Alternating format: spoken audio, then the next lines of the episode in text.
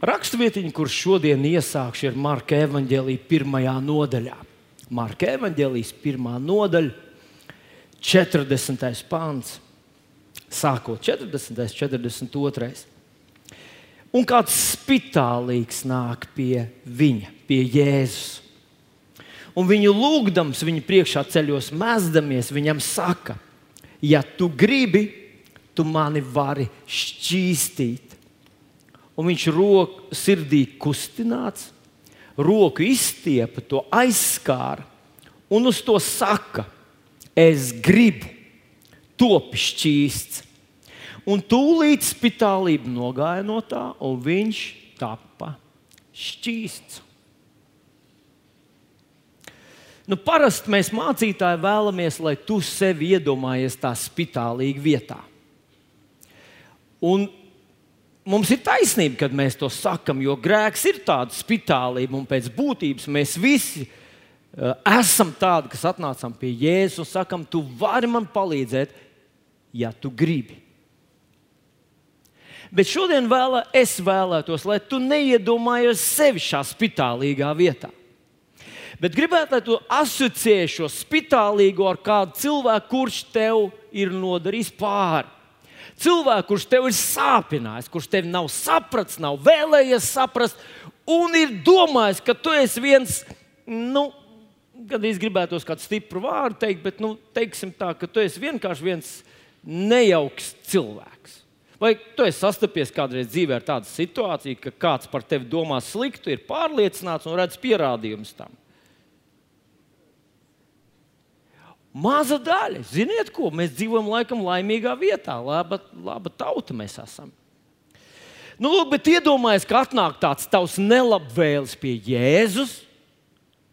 Cilvēks, par kuru tu negribētu, ka viņš ir debesīs, Vai tev ir kādreiz bijis tāds sajūta, ka tu gribētu, nu, lai šitam jau gan nevajadzētu būt debesīs? Ir kādreiz tā bijis? Kuram tā ir bijis? Nu, godīgi, godīgi paceliet rokas. Ir, jā, ir daži godīgi cilvēki. Ir daži godīgi cilvēki.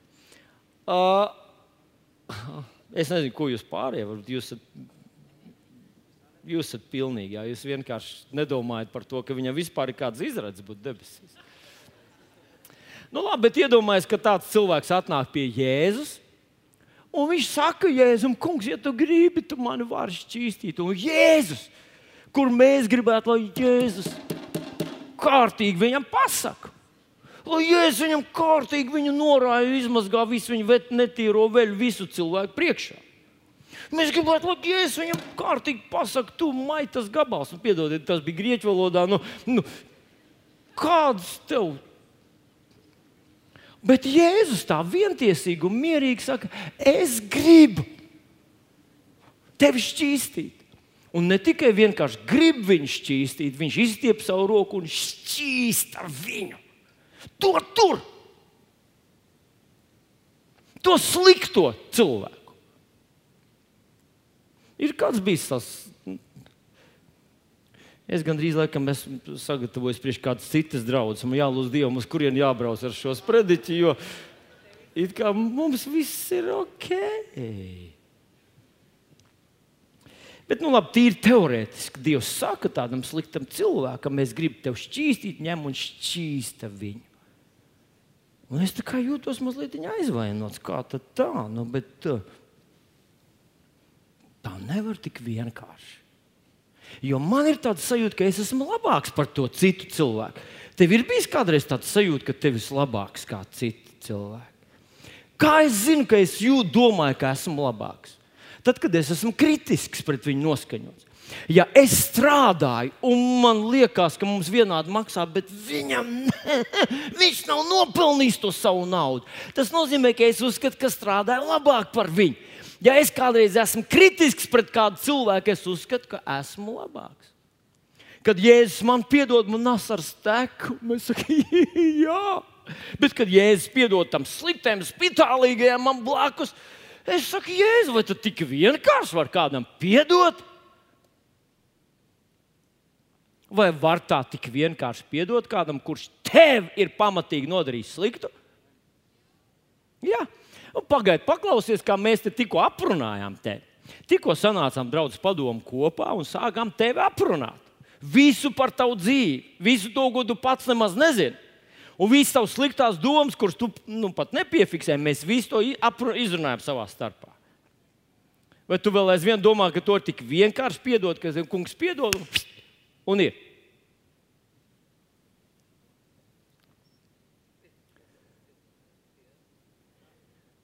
Jā, tik vienkārši. Ainā, tiešām? Ko lūdzu? Nav vienkārši. Ai, var paldies, tev vismaz viens, vismaz sievas tēvs man atbalsta šorīt.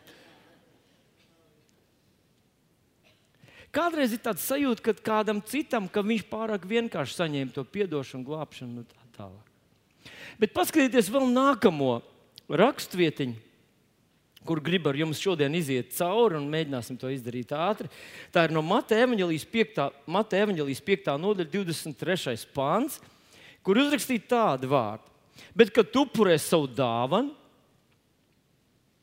kad tu upurēsi savu dāvanu uz altāra, un tur atminies, ka uh, tavam brālim ir kaut kas pret tevi, tad atstāj turpat altāra priekšā savu dāvanu, noej un izlīksti pa priekšu ar savu uh, brāli, un tad nāc un upurē savu dāvanu. Tu esi atnācis parunāt ar savu dievu, atnācis parunāt ar savu dievu. Un tavs dievs tev saka, paklausies, tu tur neesi izlīdis ar savu brāli, un tas brālis ir pret tevi. Tam, tas, kuram vajadzēja būt ar tevi, tas, kuram vajadzēja būt par tevi, tas, kuram vajadzēja tevi atbalstīt, tam, kuram vajadzēja tevi stiprināt, tavs rokas tavā cīņā, jo tavā dzīvē ir tik grūti brīži visādi, tas ir pret tevi.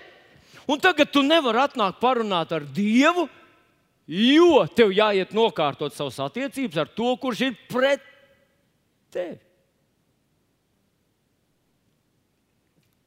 Ziniet, ko man tā kādreiz liekas, pagaidi, nu kāda te sakara ar to, kurš ir tur pret mani? Jā, nu, nu, nu vispirms tas nenozīmē to, ka tev jāiet pie visiem tiem, uh, kas nepiekrīt tev. Jo tad Jēzum vajadzēja apstaigāt pusi no visiem farizējiem un saduķiem, jo tie visiem nepatika, ko Jēzus darīja. Bet Jēzus zināja, kas viņam jādara, un viņš to darīja. Tur ir kaut kas cits. Tad, kad tu esi devis iemeslu tam cilvēkam būt pret tevi, un viņš ir pret tevi, un tu nevari vienkārši izturēties. It kā tev ar Dievu viss ir kārtībā, ja ir kāds brālis, kuram tu esi devis iemeslu būt pret tevi. Tev ir jāiet un tas jānokārto. Un Protams, ka tas, ka tas nešķiet īsti, vismaz manā galvā, tas nešķiet īsti pareizi. Kad Dievs saka, noliec turpat pie altāra to savu dāvanu, tu to darīsi pēc tam, vispirms nokārto ar to brāli, to situāciju. Es saprotu, ka Dievam ir tik ļoti svarīgas manas attiecības ar manu brāli, ar manu māsu, ar tiem, kas man ir blakus, ka Dieva acīs tās ir tik ļoti svarīgas, ka Viņš saka, ka šobrīd tu vari atlikt to savu pielūgšanu. Atliec mazliet, nokārto savas attiecības ar cilvēkiem, kas tev ir blakus. Saka, attiecības ar cilvēkiem, kas blakus. Man šķiet, Kad, kad, tu kādreiz satiec kādu svešu cilvēku, un viņš izrādās ļoti dusmīgs uz tevi, viņš tev nodara pāri, tā ir viena lieta. Bet kad brālis ir pret tevi, brālis pret tevi. Nu, mēs esam dzirdējuši dažna, dažādas situācijas. Pasaulē ir tāda ļoti izcila sludinātāja Joyce Meyer, kas saka, ka tēvs viņu bērnībā izmantoja seksuāli un darīja to ilgstoši. Un viņa teica, es lūdzu Dievu tajos brīžos, un viņš neatbildēja, neizglāba man, nepalīdzēja. Es nezinu, kāpēc viņa saka. Bet vienu, ko viņa saka, es esmu iemācījusies, ka man vajadzēja viņam piedot. Man vajadzēja piedot manam tēvam, kurš darīja pilnīgi neiedomājamas lietas. Lai es varētu runāt ar Dievu, lai es varētu būt ar Dievu, lai es būtu kvalificēta, upurēt Dievu, godināt Dievu un pielūgt viņu. Un šodien man gribētos, ka mēs visi varbūt padomāt no šī aspekta, vai tiešām tas ir tik svarīgi man sakārtot attiecības ar tiem cilvēkiem, ar to brāli, no kuras sagaidīju mīlestību. Kādreiz tas ir dzīves draugs, kādreiz tas ir cilvēks, kurš pie altāra Dieva un liecinieku priekšā solīja, ka mūs mīlēs, kā atbalstīs, ka cienīs, ka, ka būs ar mums līdz galam. Un tad pusē viņš pēkšņi pārvēršas un viņš kļūst par ienaidnieku, sāk mūs apsūdzēt un saka, ka tu esi vainīgs pie visām vainām, pie visām nebūšanām, pie tā, ka mums nav naudas, pie tā, ka mēs esam tur, kur esam. Vārds sakot, viņš kļūst par kādu, kurš ir pret tevi. Un tu gribi aprunāties ar savu Dievu, un Dievs saka, jā, tu vari aprunāties, bet vispirms aizēj un nokārto attiecības ar brāli. Es saprotu, ka Dievam ir tik ļoti, ļoti svarīgi cilvēki, tik ļoti svarīgi manas attiecības ar līdzcilvēkiem, tik ļoti svarīgi, ka Viņš pats saka, es tevi mīlu. Mēs zinām, Jānis 3.16. Bet man ļoti svarīgi, lai tu nokārto savas attiecības ar, ar to, kas tev dzīvo, strādā, dzīv, um, atrodas, kur tu satiec kādu, kas tev ir blakus. Ir vēl viena rakstvietiņa, kur gribu jums atgādināt, tā ir no Mata evanģelijas sestās nodaļas, kur rakstīts, uh, rakstvietiņa, kur es pieminēju iepriekšējā svētdienā, bet gribu atgādināt to vēlreiz. Mātei 6,14. Kad jūs cilvēkiem viņu noziegumus piedosiet, tad jums jūsu debes tēvs arī dzem piedos. Bet, ja jūs cilvēkiem viņu noziegumus nepiedodat, tad jūsu debes tēvs jums jūsu noziegumus arī dzem nepiedos. Ja tu būtu uzrakstījis kāds mācītājs, mēs vēl varētu to apstrīdēt. Bet to, to izteica pats Kungs Jēzus Kristus. Tagad paklausieties, lūdzu kad es kā mācītājs aizēju pie kāda cilvēka, kurš ir uz aiziešanu. Es zinu, ka man ir jānoskaidro divas lietas. Man ir jānoskaidro, vai ir kādi cilvēki, vai, vai tam cilvēkam ir attiecības ar Dievu, vai tur viss ir kārtībā. Un viņš saka, ja viņš saka, man ir kārtībā, Jēzus ir mans kungs, un tā tālāk, tad tā ir viena lieta, tas ir brīnišķīgi. Bet tad nākošais jautājums, ko es viņam jautāju, vai tev attiecības ar cilvēkiem ir viss kārtībā, vai ir kāds, kuram tu neesi piedevis. Redzat, kā šeit rakstīts. Skaties, tu varētu atnākt pie Dieva, teiksim, teiksim pirms nāves. Tu atnāc pie Dieva un saki viņam, Dievs, piedod man visu, ko es esmu nodarījis. Un Dievs saka, es tev piedodu. Tu gribi nonākt debesīs.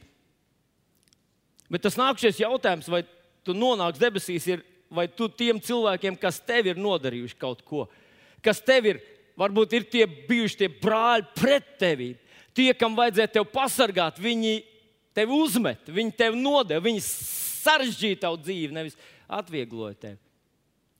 Tev ir viņiem jāpiedod. Tev ir viņiem jāpiedod. Es zinu vienu cilvēku, kurš savā dzīvē apzinājās, ka ir sadarījis daudz sāpju citam cilvēkam. Tas bija ģimenes ietvaros ilgstoši. Tas bija ne jau tāpēc, ka viņš gribēja, viņš vienkārši nemācīja, nesaprata, un viņš tā risināja tās problēmas, nu, tā kā bija uz ielas iemācījies. Un tad pēc gadiem viņš saprata, ka viņš ir sadarījis tik daudz nepatikšanu, tik daudz sāpju, tik daudz asaru izraisījis, tik daudz aizvainojumu rūktu. Viņš aizgāja pie tā otra cilvēka un teica viņam, vai tu varētu man lūdzu piedot? Un tas otrs cilvēks, kurš beidzot bija izaudzis, teica, ha, ha, ha, ha, neko tev nepiedošu. Tu esi atnācis tikai savas sirdsapziņas dēļ, lai tev būtu vieglāk. Viņš izmantoja to brīdi, tāpēc, lai atrieptos, lai tagad atmaksātu par visiem pārdarījumiem. Un tad es sev uzdevu jautājumu, vai tas cilvēks, kurš gāja un lūdza atdošanu, vai viņš to darīja tikai sevis dēļ tikai savas sirdsapziņas dēļ. Tikai tāpēc viņš varētu atnākt pie Dieva un teikt, es centos izlīdzināt ar to attiecības ar to savu brāli. Un patiesība ir tāda, ka ne tikai sevis dēļ, jo ja tas, kuram viņš darīja pāri, viņam nepiedos. Citiem vārdiem, ja tu nepiedod tam, kurš tev ir darījis pāri, ja tu patur to savā sirdī, ja tas ietekmē tavus uzskatus, tavu domāšanu, tavas attieksmes pret tavu līdzcilvēku, no Tad šeit Jēzus saka, ka, tu, ka tavi grēki arī ir dzīvi un nepiedoti. Un tas nozīmē, ka mēs neesam sapratuši Kristus upuri, mēs neesam sapratuši Kristus asiņu lielo nozīmi. Jā, Mēs gribam, lai mūsu grēki ir piedoti, bet mūsu līdzcilvēki, tā spitālīgā grēka, tie gan par tiem, gan lai viņš maksā. Un te ir tā lielā, lielā gudrība, ko Dievs mums šodien katram no mums uzdāvina. Viņš saka, piedod. Ja kāds cilvēks tev ir nodarījis sāpīgi, sāpīgi, tik ļoti sāpīgi, ka to ir grūti izteikt, grūti izstāstīt, grūti izjust, un tu esi ar to staigājis gadiem ilgi, tev jānonāk vienā vietiņā, kur saka, es nejūtos, ka gribētu piedot, bet saprotu, ka man ir jāpiedod. Savādāk es nekur nevaru virzīties uz priekšu, ne attiecībās ar Dievu, ne attiecībās ar, kā, ar, ar, ar cilvēkiem. Ne, ne, tas viss man vēl kā līdzi, tas man tur savā gūstā. Man ir jāpiedod, un viņam jāspēr šis ticības solis. Un jāsaka, es gribu piedot, es piedodu, es piedodu Jēzus vārdā, ticībā, es piedodu. Tajā mirklī tu novērtē Jēzus asins, un arī tu uh, saņem un pieņem šo brīnumaino piedošanu, kas ir vienīgi Kristu Jēzu. Raksturvietiņa, kur pirmā Jāņa vēstulē, otrajā nodaļā mums saka, ka piedot ir, ir normāli. Paklausieties, kas ir uzrakstīts 1. Jāņa, 1, 1. Jāņa 2. nodaļa, 9. pāns. Viņš saka tā, kas teica, esot gaismā, bet ienīst savu brāli, ir vēl aizvien tumsībā. Kas mīl savu brāli, paliek gaismā un piedaudzības nav viņā. Bet kas savu brāli ienīst, ir tumsībā, dzīvo tumsā un nezina, kurp tas iet, jo tums ir aptumšojis viņa acis. Tagad, ja es savā sirdī nesāju aizvainojumu un rūkumu pret cilvēku kādu, bet es saku, ka man ar Dievu viss ir kārtībā, man, manas attiecības ar Dievu ir brīnišķīgas, es runāju mēlēs, un es, es, eh, es lasu Bībelīti un tā tālāk, un es evanģelizēju. Tad šeit ir teikts, ka kāds, kurš vēl aizvien ienīst savu brāli, viņš dzīvo tumsā, nezina, kurp tas iet, un viņa dzīvē nekas nedarbojas. Nu, es mēģināšu no citas puses to paskatīties. Mēs sakām, ka gaisma ir zināt, zināšanas, un tumsā ir nezināšana. Mēs zinām, ka gaismā ir svētība, un tums ir lāsts. Mēs zinām, ka gaisma ir veselība, un tums ir slimība. Mēs zinām, ka gaisma ir miers, un tums ir bailes. Mēs zinām, gaisma ir prieks un spēks dzīvot, cerība un tā tālāk. Tums ir visas tās pretējās lietas. Tad viņš saka, ka viena no pazīmēm, ka tu atrodies tumsā ar visu to, ka lasi Bībelīti un zini kaut kādus uh, bibliskus principus, ir tad, ja mēs nemīlam savu līdzcilvēku. Cilvēku, kas mums ir blakus. Un šoreiz mēs nerunājam par tiem, kas mums patīk, kuriem mēs patīkam. Mēs šodien runājam par cilvēkiem, par to spitālīgo, to lāstas karto cilvēku, kurš mums ir nodarījis pāri. Normāli viņš saka, ir dzīvot gaismā, normāli ir piedot, normāli ar kas ar tevīm dzīvē būtu noticis, ka izgājis cauri tam notikumam, tu sakārto savu dvēseli un atkal dzīvo ar mieru, prieku, ar atdošanu, ar labvēlību savā sirdī. Un tas līdzīgi kā cilvēki, mēs zinām, ja mēs iekāpjam peļķē, mēs cenšamies no tām sekām atbrīvoties. Ja mēs izējām lietu, mums nav lietu sargu, mēs salīstam, tad mēs cenšamies nomainīt drēbes un, un izžāvēties un sakārtoties, lai mēs atbrīvotos no tā negatīvā piedzīvojuma. Bet tad, kad mēs nesam līdz sāpes, vilšanos, kad mēs nepārtraukti svinam svētkus, tos skumju un bēru svētkus, jūs zināt, ir kaut kas patīkams, skums. Ir kaut kas ļoti patīkams, ka tu uh, sevi žēlo, ka tas sev stāsta, cik tev ir grūti, kā tev ir nodarīts pāri, cik neģēlīgi rīkojies tas cilvēks, un tev ir visas tiesības skumt, sāpēt un raudāt, jo kāds tev ir tik ļoti nodarījis gauži pāri. Ir kaut kāda bauda tajā visā. Bet normāli cilvēki no tā atbrīvojas. Normāli ir dzīvot gaismā, Dieva skatījumā normāli ir, ka tavā dvēselē nav neviena rūkuma, nav nevienas vilšanās, nav neviena aizvainojuma, nav nekādas atriebības jūtas pret kādu cilvēku. Un kad tu ieraugi to spitālīgo, to, kurš ir grēka uh, un lāsas kartais, tas, kurš ir darījis visai pasaulē pāri, nodarījis varbūt kādu pāri kādam cilvēkam un nodarīs pāri tev, kad tu redz viņu pie jēzus kājām. Un viņš saka, kungs, ja tu gribi, tu vari man šķīstīt. Tad tu saki, kungs, šķīsti viņu. Tā tad normāli ir dzīvot gaismā. Ieviks lūdzu mazliet tam, kurš sēž tev blakus. Tas ir normāli dzīvot gaismā, normāli dzīvot piedošanā. Un es esmu pārliecināts, ka pie vakarēdienas apelsīns Pāvils ik par laikam ieteica cilvēkiem parakāties savā sirdī, parakņāties, atcerēties dažādas personāžus, ar kuriem dzīvē mēs esam saskārušies. Varbūt tie ir kaut kādi neveiksmīgi darījumi, varbūt tie ir cilvēki, kuri mums kaut kādā dzīves grūtā brīdī ir nostājušies ceļā un bijuši tik pilni. Nu, es lieku pēdiņās svaidījumu, lai mūs pazudinātu, iznīcinātu un atmaskotu. Bet viņi mums būtu jāiemācās tā lūkšana, kungs, piedod viņam, jo viņš nezina, ko viņš dara. Un piedod viņam. Jo normāli ir dzīvot gaismā. Tu vari būt uzkāpis kādreiz uh, nu, uz mīnas. Ir kādreiz tev iet pa tumsu mežā, tu uzkāp uz mīnas. Tu taču nenesā to līdzi, nesaki, iekāp, ak, Dievs, kā viņam nav kauna atstājuši mīnu tajā tur. Nē, tu centies no tā atbrīvoties, atstāt to pēc iespējas, lai tas paliek paliek pagātnē. Alans Plats, kad viņš bija pie mums uh, dažas nedēļas atpakaļ, viņš stāstīja tādu ilustrāciju, kad kāds cilvēks te uzspļauj. Un tad viņš saka, vienīgais, ko tas cilvēks var izdarīt ar tevi, ir saslapināt tavu seju. Nu, mēs jau zinām, ka tas nozīmē daudz vairāk, vai ne? Uzspļaut, ak, tiesa! Kur ir, kur ir, kur ir uh, ložmetēji, kur ir granātas, kur ir. Man tas ir, tas ir kaut kas vairāk nekā vienkārši saslapināt mani.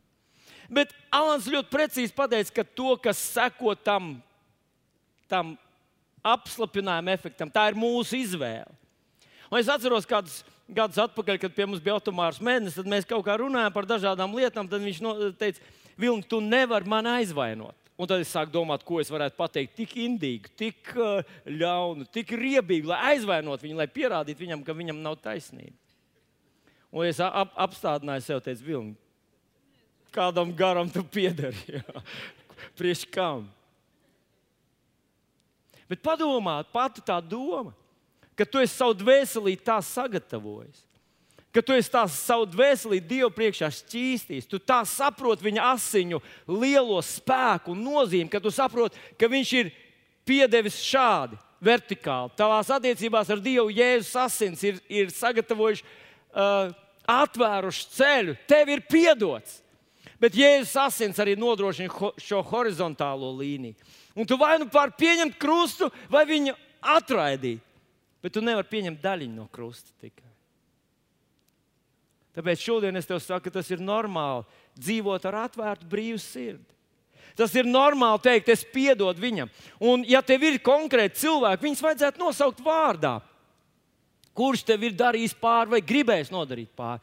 Un es atceros, man bija tāds, es mācītājs, es biju mācītājs tajā laikā, bet tad, kad viens cilvēks mums gribēja ļoti sāpīgi, finansiāli nodarīt pāri, es domāju, Dievs, es biju pats izbies, kas bija manā sirdī. Manā sirdī vandījās tādas visādas domas. Aha, es sapratu tagad tos cilvēkus, kas noalgo algot slepkavas emocionāli es sapratu, kā tas ir, ka tu jūties tik ļoti nevarīgs. Tu nevari atmaksāt, tu nevari to taisnību, jo mūsu tiesu sistēma ir tik trula un vienaldzīga. Un, uh, nav, nav, nav, bija, bija, bija, bet vairs nav. Bet tajā mirklī tu tā jūties, ka tu domā, pats, ja būtu par rokai kāds draugs brālis no, no uh, bijušais slepkavas, varētu aprunāties, kā tās lietas darāmas. Es, protams, jokoju, jūs saprotat. Bet tu sajūtas tādas. Un Jēzus saka, ka tas ir tas mirklis, kad tu saki, kungs, es viņam piedodu, es piedodu. Es piedodu, Dievs, es piedodu. Un es atceros, ka es to cilvēku satiku, es apsēdos viņam blakus, es centos smaidīt, un es viņam sludināju labāko, ko es varēju viņam pasludināt. Ziniet, ko? Evangeliju. Es jums stāstīju, ka strūns ar tām visām mūsu lietām, gan jau tiesā mēs tiksim ar to galā, bet kāds arī nebūtu rezultāts, es gribu, lai tu zini, jā, nu, es gribu, lai tu zini, ka Dievs tevi mīl, un es ar tevi mīlu, es tev piedevu.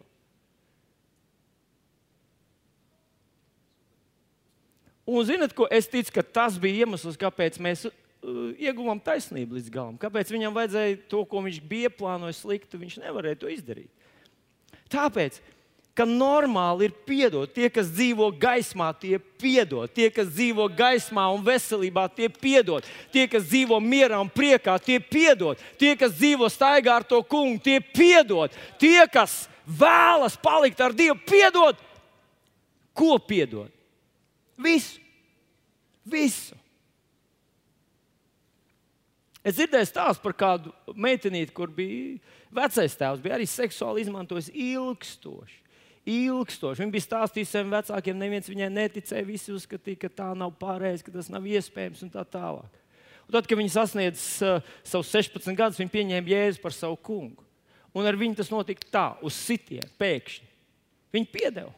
Un tad sākās iekustējās visa lielā juridiskā mašīna. Tur sākās uh, viņu aicināja uz tiesām, un vajadzēja iesēdināt to cilvēku, un viņam tur atmaksāt, un vajadzēja viņam tur. Bet viņi teica, nē, es, es, es esmu piedevis. Man nav rētas manā dvēselē, nav brūcis. Un tas ir tas, tev var uzspļaut, un noslaucīja, un gāja tālāk, laimīgs, mierīgs, ar, ar uh, skaidru galvu. Un varēja dzīvot mierīgi savu dzīvi. Normāli ir piedot. Paklausieties, 1. Jāņa 4, 7, 8. Mīļie, mīlēsim cits citu. Mīlēsim cits citu, jo mīlestība ir no Dieva, un katrs, kas mīl, ir no Dieva dzimis un atzīst Dievu. Cilvēks, kurš mīl, zina Dievu. Par žēlumu kādreiz kristieši ir tādi uh, pārprot, viņi neizjūt un ne, nesaprot, ka Dieva mīlestība ir tik ļoti liela, ka Dievs neskatās dusmīgs uz pasauli. Ka Dievs neskatās dusmīgi uz tiem, kas svētdienas rītā šorīt devās sēnēs, vai ogās, vai, vai, vai strādā, vai palika gultās, vai pie televizora. Mēs gribētu, lai Dievs kādreiz gribētu, lai Dievs uz viņiem sadusmojas un, un sadod viņiem pa pakaļ, vai, vai sadedz viņu televizoru, vai kaut ko tādu izdara, tādu nu, pravietisku. Bet viņš to nedara. Kāpēc? Jo viņa asins izlīdzināja uh, tavas attiecības ar viņu un viņa attiecības ar viņu. Un mēs īstenībā nevaram kalpot tiem cilvēkiem, ja mēs viņiem nepiedodam. Ja tu izēj uz ielas un satiec kādu, kurš ir atkritis no dieva, un tev iekšā ir cemme, tu arī gribēji atkrist, bet tu vēl turies. Bet viņš redz, ņēma un atkrita, izdarīja tā, kā gribēja pēc miesas, un dzīvo pēc miesas. Tēt. Viņam labi iet, un tu gribi Dievu sadot viņam pa pakaļ tam atkritējumam, lai man arī negribās atkrist. Ko? Nē, nē, nu kādreiz par tādu mīsīgu domāšanu. Un Dievs saka, es esmu viņam piedevis. Un tu piedod viņam. Un tu īstenībā nevari tam cilvēkam kalpot, ja tu viņam nepiedod. Saka, piedod.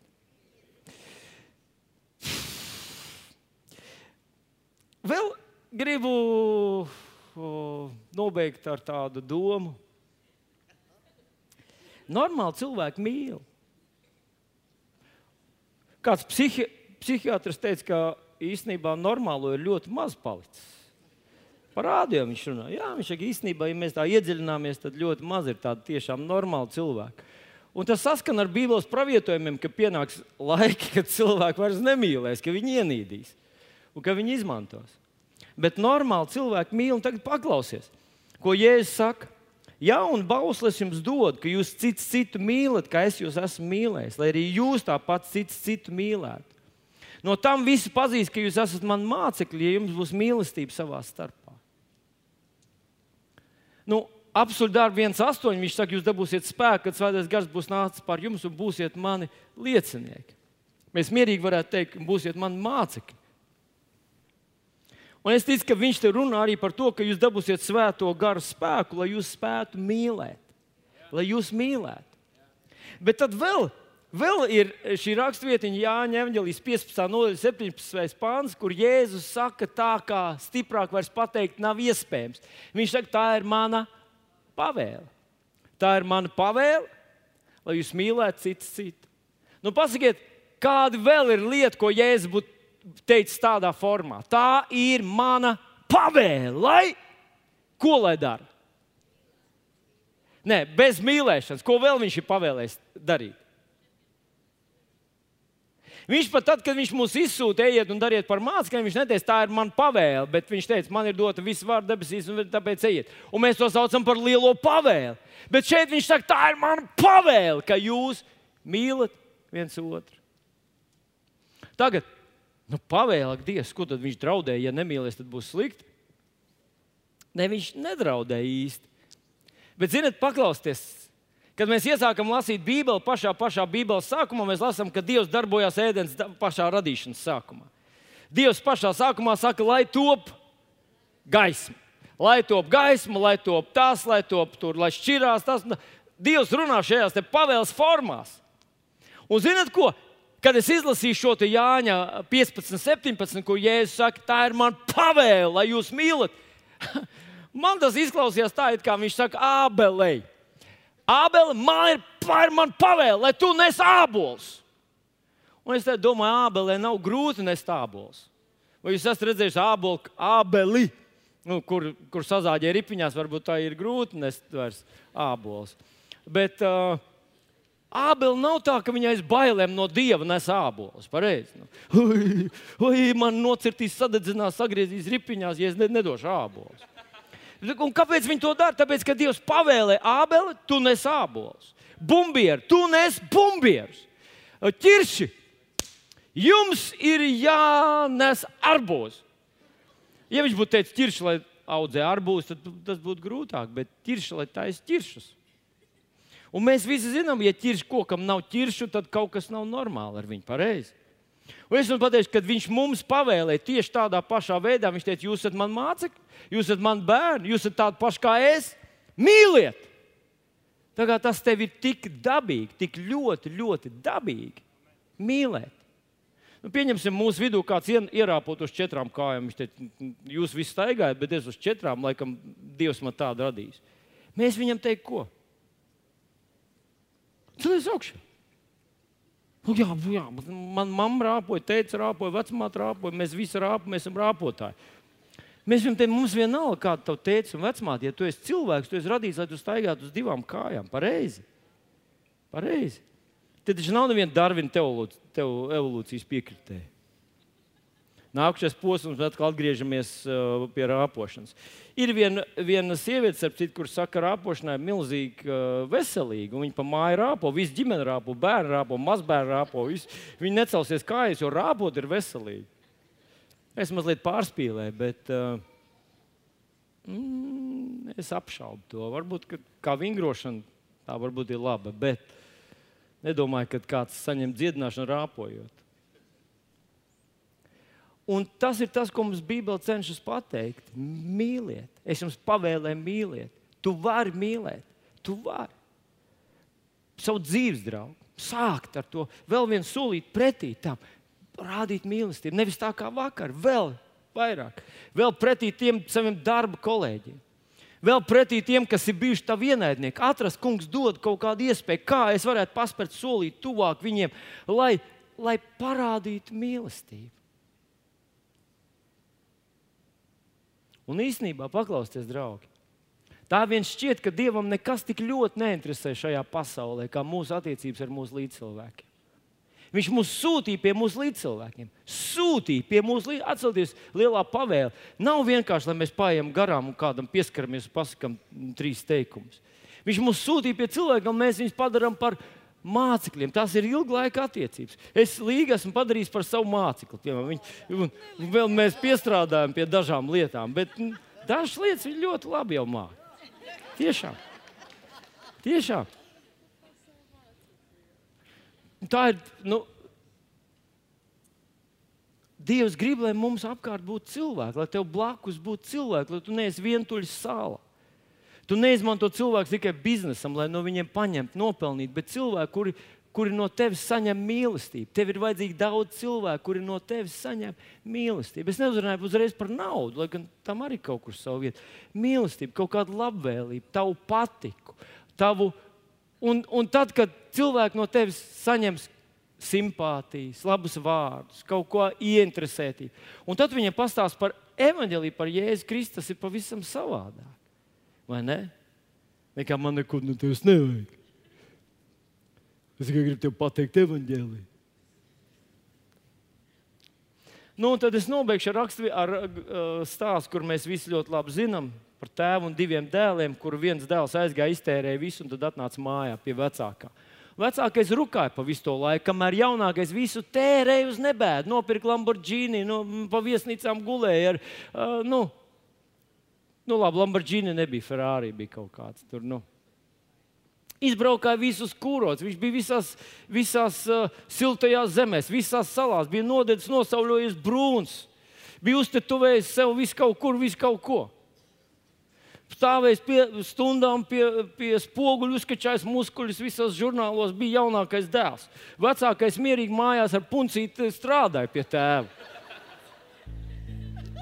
Un tagad šitais te pasaules eh, baudītājs atgriežas mājā un saka, Tēvs, ja tu gribi, tu vari man šķīstīt.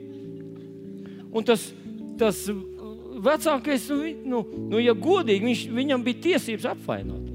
Viņam bija tiesības pateikt, pats kā tā, tik lēti aizgāja, visu notriec. Es tikai ar vienu atskaktiņu lūrēju tos žurnāliņus, kur varētu aizbraukt. Man bija jāiet kāzas laukt, un, un, un kartufeli ravēt, un zemes uz tirgu pārdot. Es tā kā tāds mazais ezīts te rukāju, kamēr tas tur visu noplenderē. Un tad viņš atnāk un tēvs viņam skrien virsū ar halātu uzreiz un, un ar tām labām lietām, vai ne? Tām labām lietām. Es nevienkārši, es vienkārši saku, nu, tā liekas. Un tad tēvs pie viņa atnāk un saka viņam, paklausieties, draugi. Viņš saka, nu, tas bija mans, tas viss bija tavs. Dievs jau negribēja, tēvs negribēja, lai viņš dzīvo tā kā kalps. Viņš gribēja baudīt, tas ir tavs. Es gribu, lai tu baudi šo dzīvi. Nē, nē, man nav prieks, ka tu kā ar zobus varam nopūties. Mums bija Mums bija uh, uh, līgas māsa atbraukusi, un, un mēs bijām tur, tur lienīti. Mēs tur bijām fotografējām, bijām pie rozēm. Tur, un, un, un, es, un viņi skatās, vai kāds tev labs telefons? Un man, man, uzreiz iekšā, ziniet, tas. Kāds man labs telefons? Man, Nu, kaut ko tādu pateikt, ķipa, ja? vai jūs kādam pieiet, paskatāt, kā tev skaista mašīna. Viņa sarūsējas galīgi. Vies, šrotā nopirka un viņš iekrāsoja. Parasti mēs tā gribam, nu, kaut kā, lai nedomā, ka mēs esam nu, tā, mums tik labi iet. Un tas kaut kas no tā vecākā dēla, ja? uh, tās sērijas. Un mums iet grūti, man ir grūti, man viss, kā tev darbs patīk, slikti. Nu, es zinu, tu te, te arī ilgi neturēsies, ja tev nepatīk. Vai ne? Jūs esat bijuši kafejnīcā, atnāk uh, oficiants, un tu redzi, ka viņam nepatīk viņa darbs. Jums arī viņš nepatīk. Pareizi, nu, oficiāls. Tu gribētu kādu citu, bet nav cits. Neviens. Ja tev nepatīk tas, kur tu esi, ja tu visu laiku saki, es esmu apdalīts, man nav, es gribu arī, es arī gribu braukt. Tu esi tas vecākais dēls, un tēvs atnāk pie tevis un šodien saka, es negribu, lai tev ir slikti. Tu vienkārši neņem to. Tu esi cilvēks, kurš visu laiku vāc savā. Paskaties, kas tavā dvēselē ir aizvainojums, rūkums, vilšanās. Tu pat apprecēji dzīves draugu, un tad tev kāds viņu spieda precēt. Nē, tu pats apprecēji, un tad neapmierināts ar to. Pats var izvēlēties no visas pasaules nu, cilvēkiem. Izvēlējies vienu. Tagad neapmierināts. Nu, tu neesi vienkārši slimīgi, nu, slims ar to. Nu, taču ieraugi, ne jau Dievs ir vainīgs. Tu esi vainīgs pie tā. Sāc baudīt, man ir brīnišķīgs dzīves, brīnišķīgi man bērni. Es dzīvoju brīnišķīgā alā, halleluja! Es dzīvoju vienistabas dzīvoklī, vai jūs varat iedomāties, mums ir durvis, mums ir dzīvoklī pots. Jo daži cilvēki pots viņiem pagalmā tikai. Arī priecājas, ka ir pods bez podiem. Nav pods vispār ir grūti. Es par to, ka tas tēvs viņam saka, bija jāpriecājas. Kas tev šodien jādara? Tev ir jāpriecājas. Jāsaka, paldies tev! Man ir labi! Paskaties, kāds es esmu! Man ir labi! Es zinu, jūs nekad neesat pārdzīvojuši, ka mati pamet gudro galvu. Es zinu, visu. Bet man tas bija tas netikums. Un vienā dienā tēvs man teica, paklausies, nu beidz. Jo Jā, beidz. Tas nedarbojas. Un es teicu, kungs, paldies, tev. Es izskatos tik forši. Nu, paskaties uz mani. Pats domāju, nu, nav labi. Bet, ziniet, labāk paliek no tā. Tiešām. Bija jāpriecājas. Tavs brālis ir atpakaļ. Mums mēs esam vēl vairāk, mēs esam vēl stiprāki. Es esmu ar tevi, par tevi, dēls. Es negribu, lai tu esi nabaks. Tev nekā netrūks. Paskaties uz to no gaišās puses. Tavs brālis ir atpakaļ. Tie, kas tur ārā kaut kur ir, ir mūsu brāļi. Tie, kas ir dzērā, ir mūsu brāļi. Tie, kas ir nelabvēlīgi, ir mūsu brāļi. Tie, kas par mums runā slikti, ir mūsu brāļi. Tie, kas, nu, nu es nezinu, varbūt mums dara pāri. Es arī esmu kādam nodarījis pāri. Negribot, nesaprotu. Negribēju. Ar to es gribu piecelties uz kājās. Pasaki līdzi ar maniem šo lūkšanu. Saka, debes Tēvs, es pateicos, man ir piedots. Tu samaksāji neiedomājumu cenu par mani, lai man piedotu. Un tu samaksāji tādu pašu cenu, lai es piedotu. Un šodien es izlemju, ka dzīvošu piedošanā un mīlestībā. Tu pavēlēji man mīlēt. Tu radīji mani mīlošu. Tas ir manā dabā mīlēt.